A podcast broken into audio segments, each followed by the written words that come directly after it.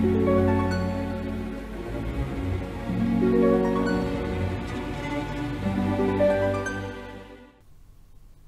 saya dengan Madam Aza. Untuk Libra, timbangan kesayangan, kita bacakan karirnya ya. Karir yang keluar kartunya adalah Death. Saat kartu Death keluar ini menunjukkan sekarang untuk saatnya kamu berubah, bertransformasi.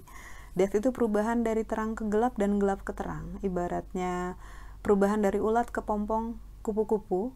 Sekarang mungkin tidak nyaman, tidak menyenangkan, cukup mengagetkan, tapi ya kalau tidak dipaksakan berubah, kamu akan selalu bingung dengan pilihan-pilihan dan juga akan berusaha untuk main aman.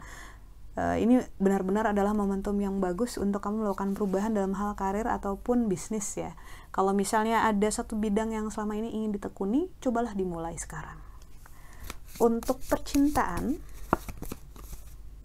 kartu yang keluar adalah The Tower. Ini sebenarnya bicara tentang masalah lama yang kamu sudah tahu selama ini tapi berusaha untuk hindari uh, enggan untuk menyelesaikan masalah secara langsung. Pada ujungnya itu ibaratnya kayak bisul yang ujung-ujungnya pecah terus bikin ribet gitu ya.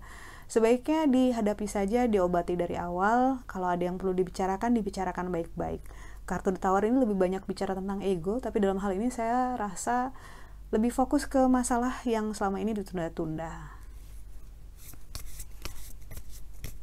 Yang terakhir kartu nasihat. The Hangman. The Hangman ini menunjukkan orang yang digantung terbalik gitu ya. Dia di bawah air, digantung terbalik pula. Ibaratnya sudah jatuh disuruh menelan tangga. Penderitaan dan juga cobaan seakan-akan dia tidak berdaya. So kartu nasihat yang diberikan Walaupun kamu merasa mungkin sekarang adalah masa-masa yang sulit untukmu, tidak mudah untuk kamu melakukan apa-apa karena kamu lagi diikat di bawah air pula gitu ya. Tapi kamu selalu survive. Selama ini kamu sudah survive dan sekarang juga kamu akan survive. Kamu akan baik-baik saja walaupun sekarang lagi nggak nyaman lagi susah.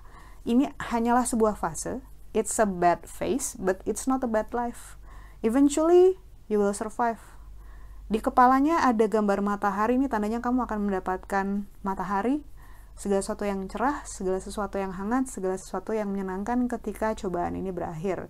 So, ya udah survive aja. Kalau memang saat ini tidak ada banyak hal yang bisa kamu lakukan, nggak apa. Mengamati, diam, belajar, mengambil hikmah itu juga satu hal yang produktif. Jangan lupa untuk subscribe, like, dan share agar bisa mudah untuk mengikuti bacaan Madam Azza berikutnya ya.